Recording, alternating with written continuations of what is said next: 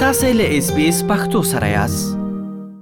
د اس بي اس د پښتو خبرونه محترم اوریدونکو ستړي مشي رحیم الدین نوریا خیلم له افغانستان تاسو ته د افغانستان او سیمې د تیر یوې اونۍ مهمه پیښه وړاندې کوم هیله ده چې تر پایه مې ملتیا وکوي د تیرې اونۍ د پیل موضوع دا چې په افغانستان کې د خوړو نړیوال سازمان یا ډبلیو اف پی فعالیتونه د درېدو له ګواښ سره مخ دي. یاد سازمان د بودجې کمښت په افغانستان کې د خپل فعالیتونو د درېدو لامل په ګوته کړی. ډبلیو اف پی تر اوسه په افغانستان کې د نړیوالو مرستندویو په ملاتړ درویشت میلیونه افغانانو ته مرستې رسولې دي. دغه سازمان تر دې وړاندې خبرداری ورکړی و چې د اوکراین ناورین به د افغانستان پر وضعیت ناوړه اغېزه ولري او ممکن په دغه جګړه ځپلي هېواد کې د خوراکي توکو بیې لوړې کړي. د خوړو نړیوال سازمان همدارس تر اوسه پورې په افغانستان کې اړمنو سره د مرستې په پار یو میلیارډ ډالر مصرفي کړي دي او خپل موخې ته د رسیدو لپاره 1.8 میلیارډ ډالرو ته اړتیا لري خو په ټوله کې د خوړو نړیوال پروګرام داسې مهال په افغانستان کې د خپل فعالیتونو د درېدو د ګواښ څخه خبر ورکوي چې په دې هیواد کې ورځ تر بلې د فقر او بیوزلۍ کچه د لوړېدو په حال کې ده.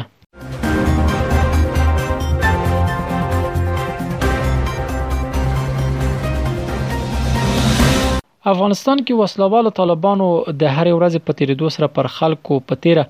پر ښځو د محدودیتونو کړۍ تنګه کړې د ډلې له تیرې څه باندې یوې اونۍ را په دې خوا د هغه لسګونو ښځو د سفر مخه ونیوله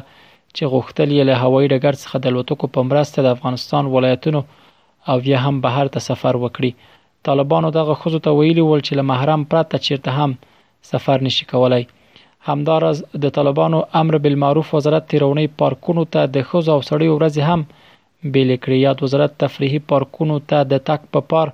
مشخصې ورځې وټاکلې چې ښځې او نارینه به ورځي. دوی ښځو ته دا سپارښتنه هم وکړه چې د سیلځایونو ته د ورتګ پر مهال شرعي حجاب مراعت کړي. همداراز دې وزرت په خپل یو بل اقدام کې د یو شمېر دولتي ادارو کارکوونکو ته د ږیرې د پرېښېدو، د پر وخت د لمانځه ادا کولو، لنګوټۍ یا خولۍ پر سر کولو او دې ته ورته نورو سپارښتنې هم وکړې. تېره اونۍ داسې راپورونه هم خپاره شول چې څو وزرتونو ته د هغه دولتي کارکوونکو د تګ مخه نیول شوې وه چې ږیره یې وړۍ وې او یا هم کالي یې مناسب نه ول. خو دغه تازه اصول خلکو ته د طالبانو لومړنۍ واکمني ور په یادوي چې له نولس سوه او شپږ نوي څخه تر دوه زره او یو کال پورې هغه وخت پر خلکو لګول شوي ول. خو اوس چې د طالبانو له بیا واکمنېدو څه باندې اوه میاشتې کېږي، دې ډلې پر خلکو محدودیتونو ته زور ورکړی چې د ډېری افغانانو په باور طالبان بېرته د خپلې لومړنۍ واکمنۍ دورې ته ورګرځي.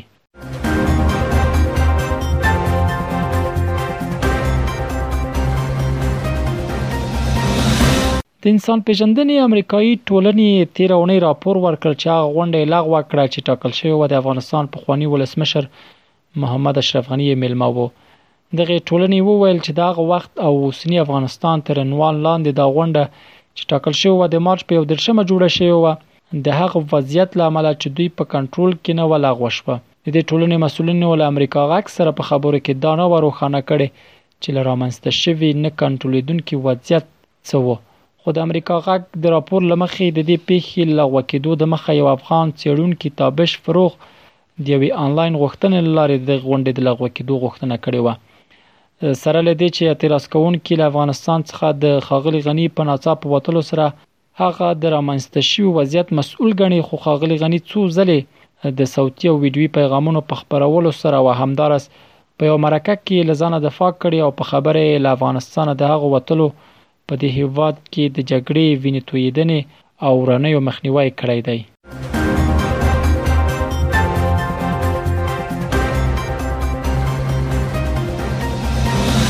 وسلوال طالبانو تېره اوونۍ په افغانستان کې د امریکا غږ او بي بي سي په خپرونو بندیز ولګوه. دغو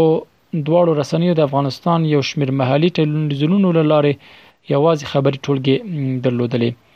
د جرمني د ډي پي آی خبري اژانس د راپور لمخې دغه اقدام داسې مهال کیږي چې طالب چارواکو په افغانستان کې د دغو تلویزیونونو همکارو شبکو ته امر کړی وو چې له خپلو څپو دې د دې نړیوالو رسنیو خبرونې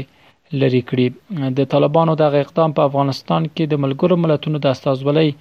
یا یونمان لوري غندل شوی یونما زیاته کړې چې دا یو بل ځپونکی ګام دی چې طالبانو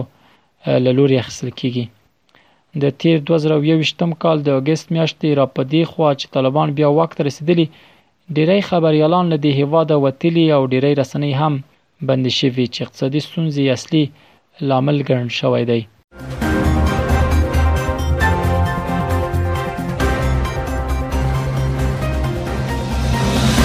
د دې اونۍ د پای موضوع هم دا چې نړیوال بانک بیا د نجونو پر زده کړو د وسلهوالو طالبانو له لوري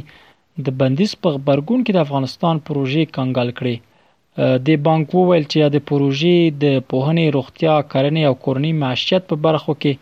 د بیارغونې د صندوق تمویلونکو هیوادونو ته یوازې هغه مهال د تایید لپاره وړاندې شي چې دوی او شریکان یې په افغانستان کې د وضعیت په اړه یو تفاهم ولري. دا پروژې د افغانستان د بیارغونې د صندوق له پیسو څخه تمویلیدلې او د ملګرو ملتونو او د ملګرو ملتونو ادارو تطبیقولې. نړیوال بانک د منځنیو ښوونځیو او لیسو د زده کوونکو نجونو پر تعلیم د طالبانو د بندیز له کبله اندېښنه ښودلې نو ځکه د دې بانک د مقرراتو لمخې د افغانستان د بیارغونې د صندوق د فعالیت شرط د داسې خدماتو ملاتړ دی چې د ښځو او نجونو ته له نارینه سره انډول خدمات وړاندې کړي دا په داسې حال کې ده چې د نجونو پر تعلیم د طالبانو له بندیز وروسته امریکایي چارواکو هم په دوحه کې له دې ډلې سره پلان شوې غونډې لغوه کړې.